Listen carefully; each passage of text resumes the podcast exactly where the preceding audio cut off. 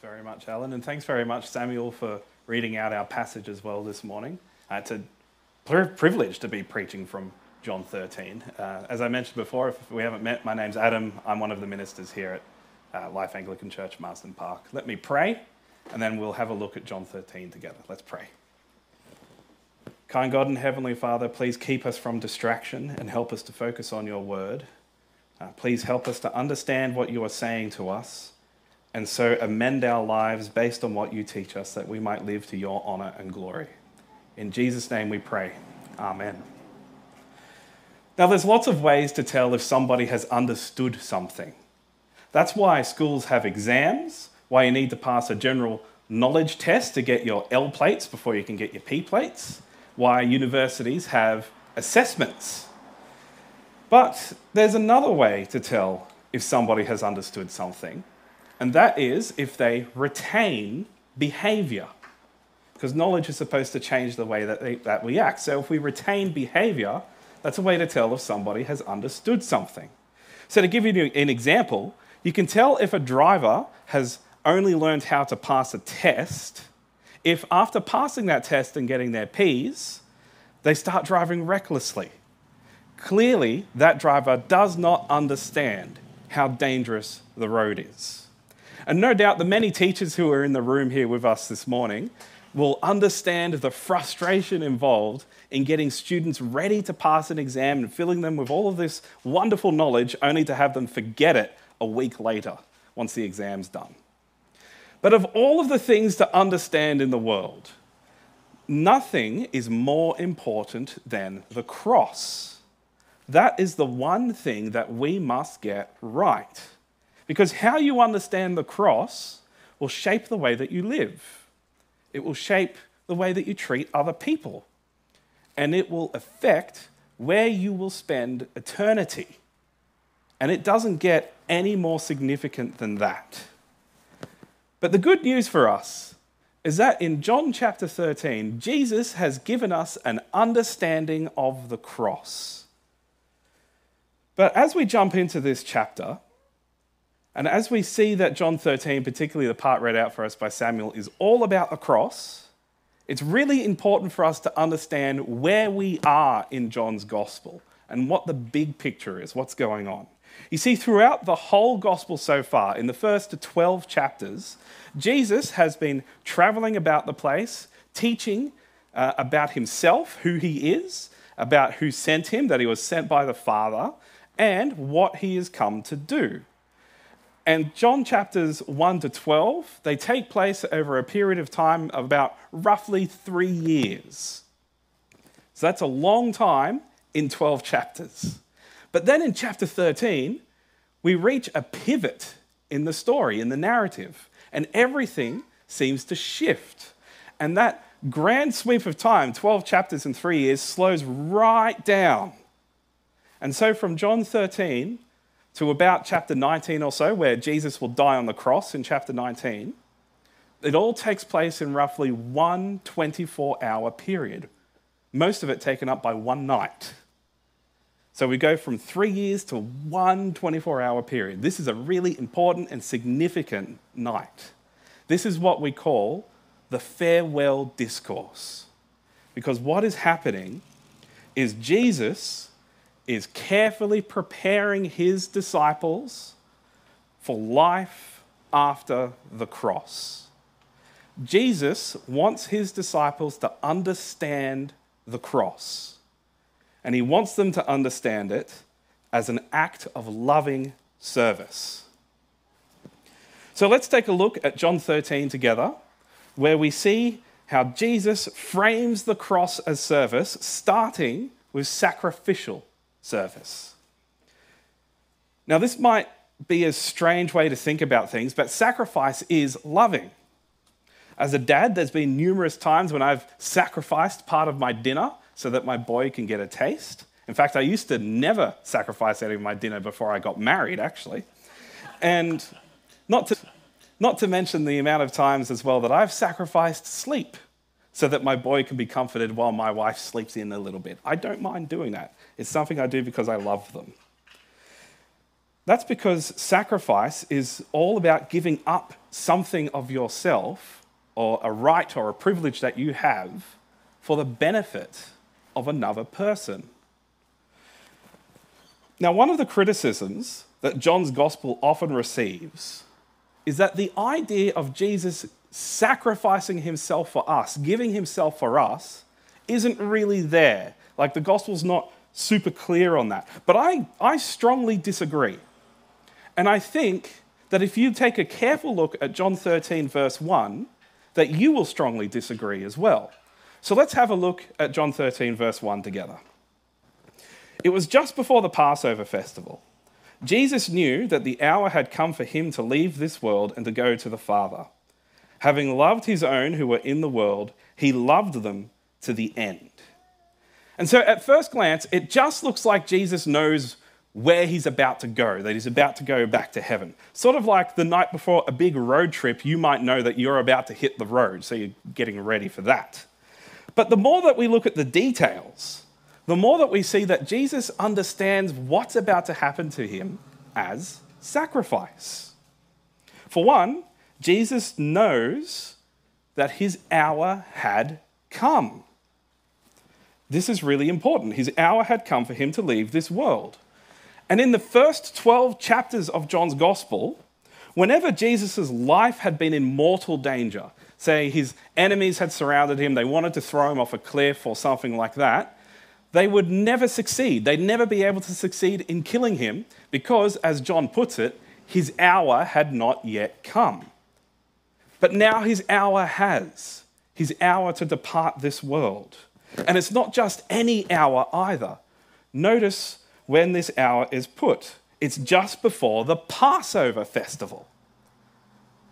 If you're unfamiliar with the Passover festival, it was an annual celebration that the Jewish people held to remember the time and honor the time when God saved the Israelites out of slavery in Egypt.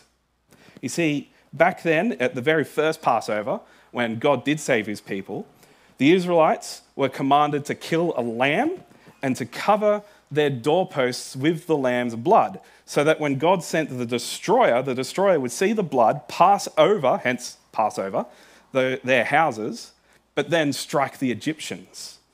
It was a great act of salvation, the great act of salvation in the Old Testament, where God rescues and redeems his people. And so it is no coincidence that Jesus' hour has come on a night commemorating the Passover, because Jesus' blood will also spill as another great act of salvation one which the Passover itself is just a shadow of. And if you are familiar with John's gospel, then you might remember that in John chapter 1, John the Baptist sees Jesus, and this is what he says of him Look, the Lamb of God who takes away the sin of the world. But this sacrifice that Jesus offers, his personal sacrifice of himself, it's not one that he does grudgingly. He didn't have to twist his arm to do it. You see, in verse 1, we're told it's offered in love. Having loved his own who were in the world, he loved them to the end. But another criticism that the gospel receives is that Jesus' death was by accident. I won't tell you which one, but many years ago, I once went to a church where in the sermon I heard that Jesus came just to teach about peace and love, about how to be a good person. And that actually Jesus' death was because he was a victim. Jealous and angry people didn't like what he was teaching, so they arrested him, put him on the cross, and killed him to get rid of him. That's why Jesus died. He was just a victim. If he was alive today, we, surely we would have treated him better. That was the idea. But to be honest, I don't know how you can hold that position if you carefully read John 13. And so let's keep reading John 13. Have a look at verses 2 and onwards with me. The evening meal was in progress, and the devil had already prompted Judas, the son of Simon Iscariot, to betray Jesus. Jesus knew that the Father had put all things under his power, and that he had come from God and was returning to God. So he got up from the meal, took off his outer clothing, and wrapped a towel around his waist.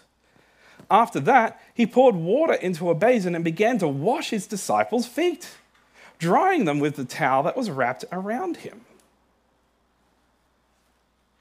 Power struggles, they look interesting, especially on TV, where there needs to be tension in a story between a good guy and a bad guy so that we can hope that the good guy wins and everything works out in the end. But what we see in these verses is actually there is very little to no power struggle. Now, we might be, uh, we, we might be tempted to think that actually the devil has some ability to affect the outcome here because we see in verse 2 that he prompts Judas to betray Jesus, like as if Judas is a chess piece and the devil's going for checkmate. But then verse 3 counters that directly, counters any possibility of a legitimate power struggle here because we're told that Jesus knows that the Father has put all things under his power, including the devil. Jesus knows where he is going. He knows what's about to happen. You see, this is actually a completely one sided fight. There's no more power struggle here between Jesus and the forces that oppose him, any more than there would be between an ant and an elephant in a game of tug of war. It's a completely one sided fight. Jesus is completely in control, and he knows exactly what is about to happen to him. And so, to further cement in the minds of his disciples that the cross is going to be an act of loving sacrifice. Jesus, the Son of God, takes off his normal clothes and puts on the clothing of a servant. He reduces himself to the lowest form of servant doing the worst possible job that you could get a slave to do in the first century foot washing. I mean, as Mark told us earlier, foot washing was a revolting and disgusting job. In fact, it was so bad, it was considered so demeaning that in the first century, in a Jewish community, you wouldn't even allow a Jewish slave to do it. You'd use a Gentile slave instead. It was that bad. And so Jesus removes all of his dignity, all of his power, all of his prestige, and willingly washes the feet of his disciples. He takes on the role of a servant, and that's something for us to think about. The King of Kings, the King of Glory, the Son of God, who we're told in John chapter 1 made the whole world, that nothing has been made that wasn't made through him our Lord becomes a servant,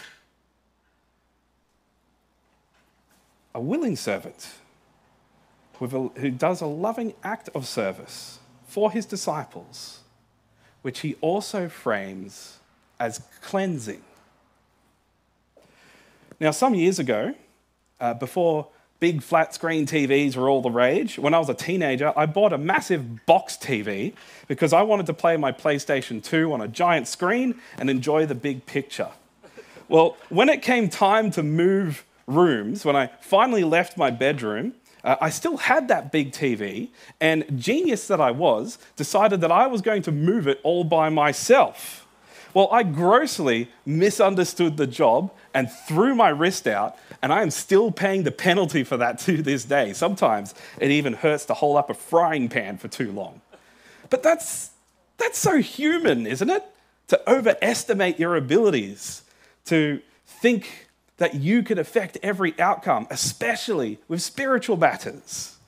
I mean, so often we think that we contribute something to our entrance to heaven. Like, I must be a really good Christian because I've prayed 10 times a day, or I've read the Bible for a whole month without missing a day, or I come to church so often. You see, we start to think that our entrance to heaven is based on our ability to be good, to get things right.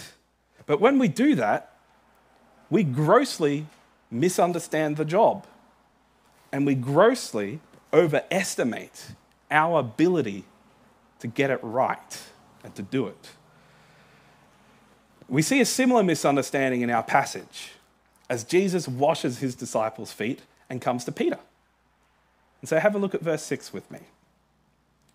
He came to Simon Peter, who said to him, Lord, are you going to wash my feet? Jesus replied, You do not realize now what I am doing, but later you will understand. No, said Peter, you shall never wash my feet. Jesus answered, Unless I wash you, you have no part with me. Well, then, Lord, Simon Peter replied, Not just my feet, but my hands and my head as well. And so, as Jesus goes about washing his disciples' feet, the Lord reducing himself to the form of the lowest servant, what an extraordinary scene that must have been. And that imagery, it is not lost on Peter. This is outrageous to him. So, Peter is seeing somebody that he respects and loves so, so much, reducing himself. To, to Peter, it's outrageous. And notice that Peter still refers to Jesus as Lord when he says, Lord, are you going to wash my feet? But remember, Jesus is doing this because he loves them, but also because he wants to give his disciples an understanding of the cross. He wants them to know what the cross is all about. And he actually says that to Peter. I mean, not in those exact words, but he says, You don't know what I'm doing now, but you'll realize it later. Nevertheless, though, Peter thinks he understands it now. Peter thinks he's got it worked out right now. You see, Peter's not listening, but Jesus has some strong words for him. You see, Peter's lost in the metaphor, but Jesus has some pretty strong words uh, for, for Peter's uh, understanding. He says, Unless I wash you, you have no part with me. You see, Peter has refused the foot washing. But upon hearing those words, unless I wash you, Peter does a complete 180. Now he's all in. You know, not just my feet, but my head, my hands, and everything in between. Let's do this. Let's go. But he's not listening. He still doesn't understand. He's lost in the metaphor. He's not listening to Jesus says, You will understand later. You see, Peter thinks he's got it now. He's so eager to enter the kingdom of heaven, he's just going to jump for it. He's going to just do what he thinks is right, what he thinks makes somebody a good person. You see, Peter wants his whole body washed. He thinks it's about the washing. He doesn't understand what Jesus is doing. Just like we might be tempted to think that it's about being a good person, that it's about always keeping up with your Bible readings and your prayers. I mean, those are good things to do. Don't mishear me on that. But that's not what gets us into heaven. And just in case we might be tempted to think that it's about some physical act that we can do, keep in mind that Jesus washed Judas's feet. No, it's about something else. It's actually about a spiritual washing. Because Jesus said, unless I wash you. It's a spiritual cleansing and one that can only come about by the cross. And that's because the problem is so much bigger than Peter thinks it is. Now, this is a little bit embarrassing for me to admit, but a little while ago, I missed bin night. I woke up on Thursday morning and I heard the sound of the garbage truck collecting my neighbor's bin, and I thought to myself, oh, this is fine. You know, my bin's only half full. It doesn't matter. We don't make that much waste anyway. I'll just wheel it out next week. But I didn't realize that the problem was much bigger than I thought it was because there was some loose food items in my bin. And by the end of that day, the flies had gotten to it. And the results, uh, I'll spare you the gory details, but they were revolting. Just ask Christine if you see her at morning tea. She had to come over and help us wash our bin. Brothers and sisters, it was awful, but I didn't understand the problem. And sin is so much more of a terrible problem than we could possibly think it is. You can tell when you're misunderstanding how bad sin is when you think to yourself, I'm basically being a good Christian. God must be happy to have me in his kingdom.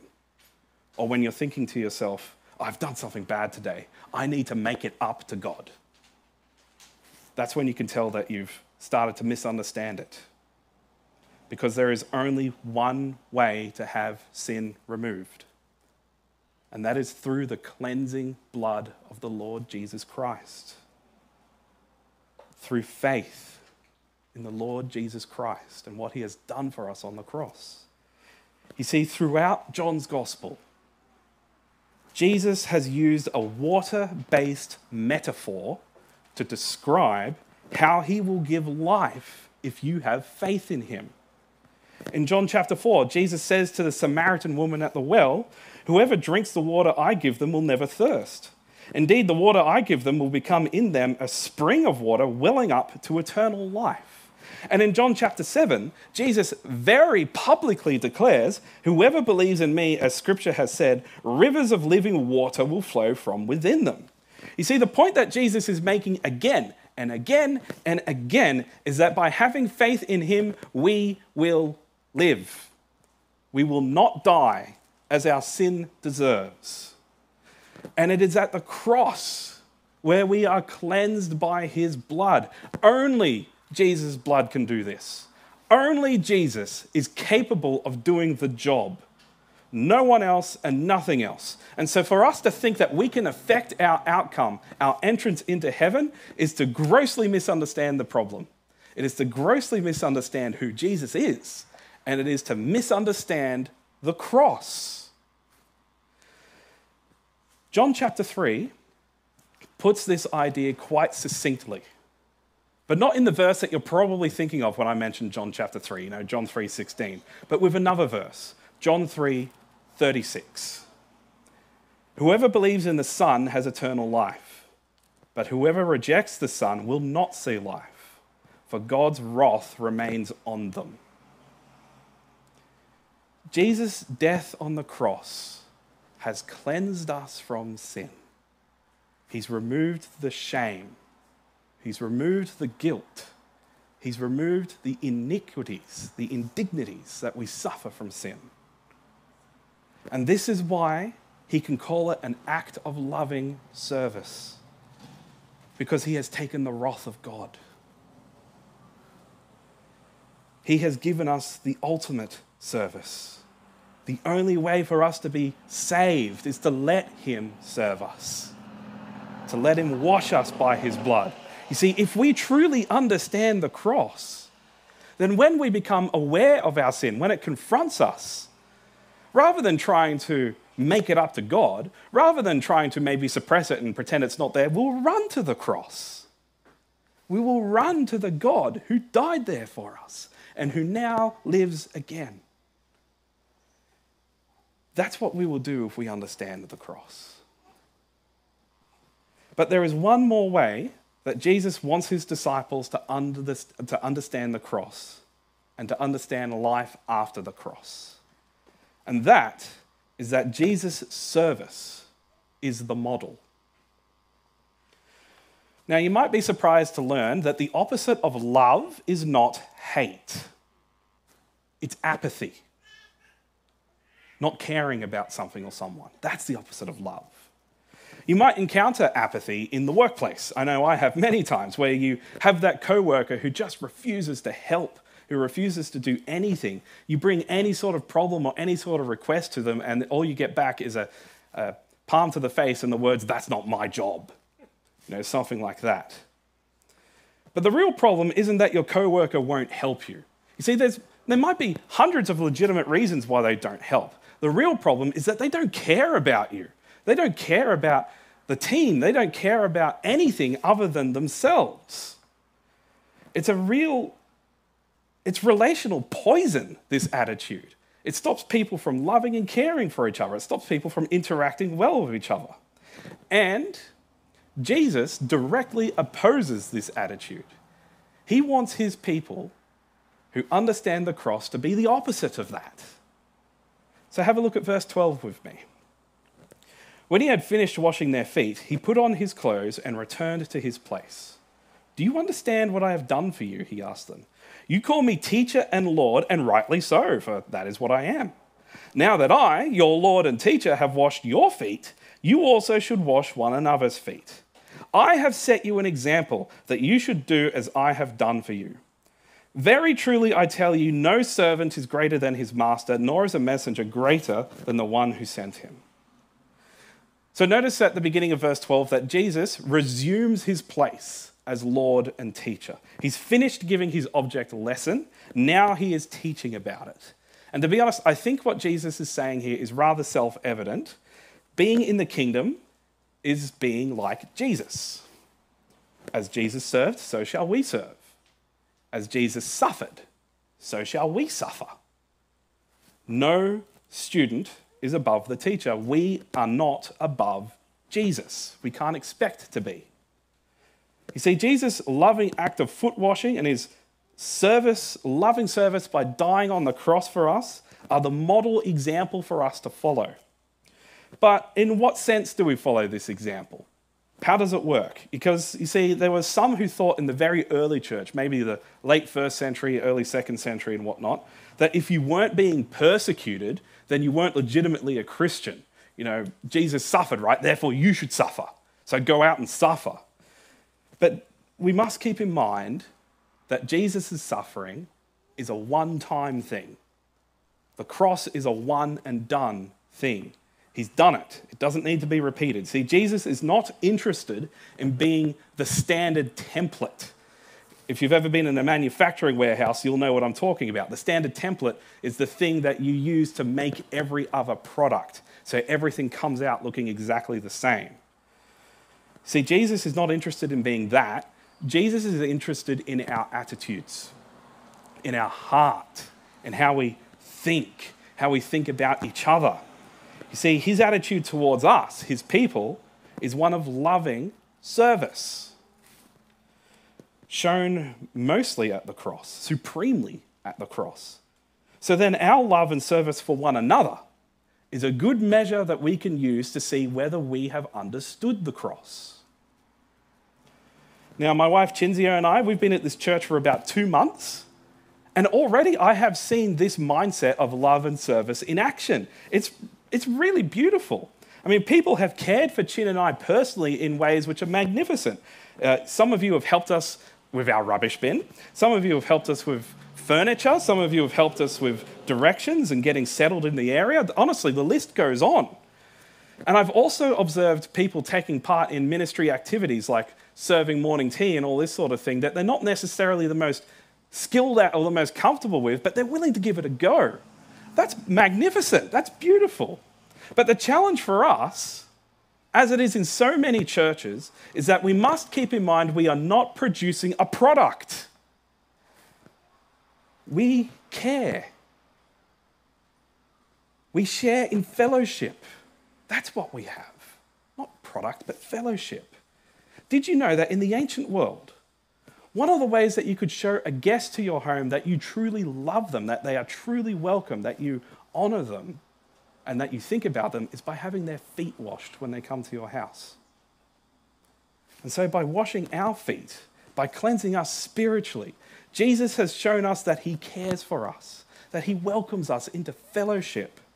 And so, we proclaim that fellowship. We tell people the gospel because we care about them, not because we want to produce more Christians, but we care about them. We want them saved. We serve each other, not because we're rostered into a, a roster and the email told us to serve, but because we care for each other. Depending upon what team you're in, we fulfill the necessary obligations for that team training, meetings, and so on and so forth because we care for each other. And ultimately, we turn up to church not to be entertained, but for each other because we care for each other. We love each other. You see, you and I, we can't go to the cross for each other. I mean, Jesus has done that. That's a one and done. But we can have the same attitude, the same mindset that sent Jesus to the cross one of love and care for the other person one that looks to the needs and interests of the other person before the needs and interests of self. And if we have this attitude, if we do this, Jesus says we will be blessed. Have a look at verse 17. Now that you know these things, you will be blessed if you do them. Blessed in the sense that we will know that we have understood the cross. We have understood what Jesus did there for us, the service that he rendered us there, and the example that he set us. One where we look outside ourselves and to the other, to their needs, to their, to their care. But if the idea of loving and caring for everyone sitting around you right now and anyone who might walk in those doors feels very intimidating, feels like it's too big of a job, don't panic and don't worry because I want to give you a manageable starting place to start doing this well. Next Sunday, when you turn up to church and you're in that parking lot, before you get to that front desk and sign in, or before you get to your positions to practice whatever you're doing, take a moment and think who is someone that I can talk to today? Who is somebody that I don't normally talk to that I can say hello to? Who is somebody that I can pray with? And then actually go ahead and do it. It doesn't need to be any bigger than that to start with. But that's what it takes. Just a moment to think outside yourself. You see, Jesus has given us an understanding of the cross. It's where he loved and served us. And we will know that we have understood the cross when we likewise love and serve others. Will you pray with me? Kind Father, thank you for Jesus. Thank you that you love us, that Jesus loves us. Thank you for Jesus' sacrifice on our behalf. Thank you that Jesus has cleansed us from sin. Father, as Jesus has served us, so help us to love and serve others, that we might show that we understand the cross. And it's in our Lord's name that we pray. Amen.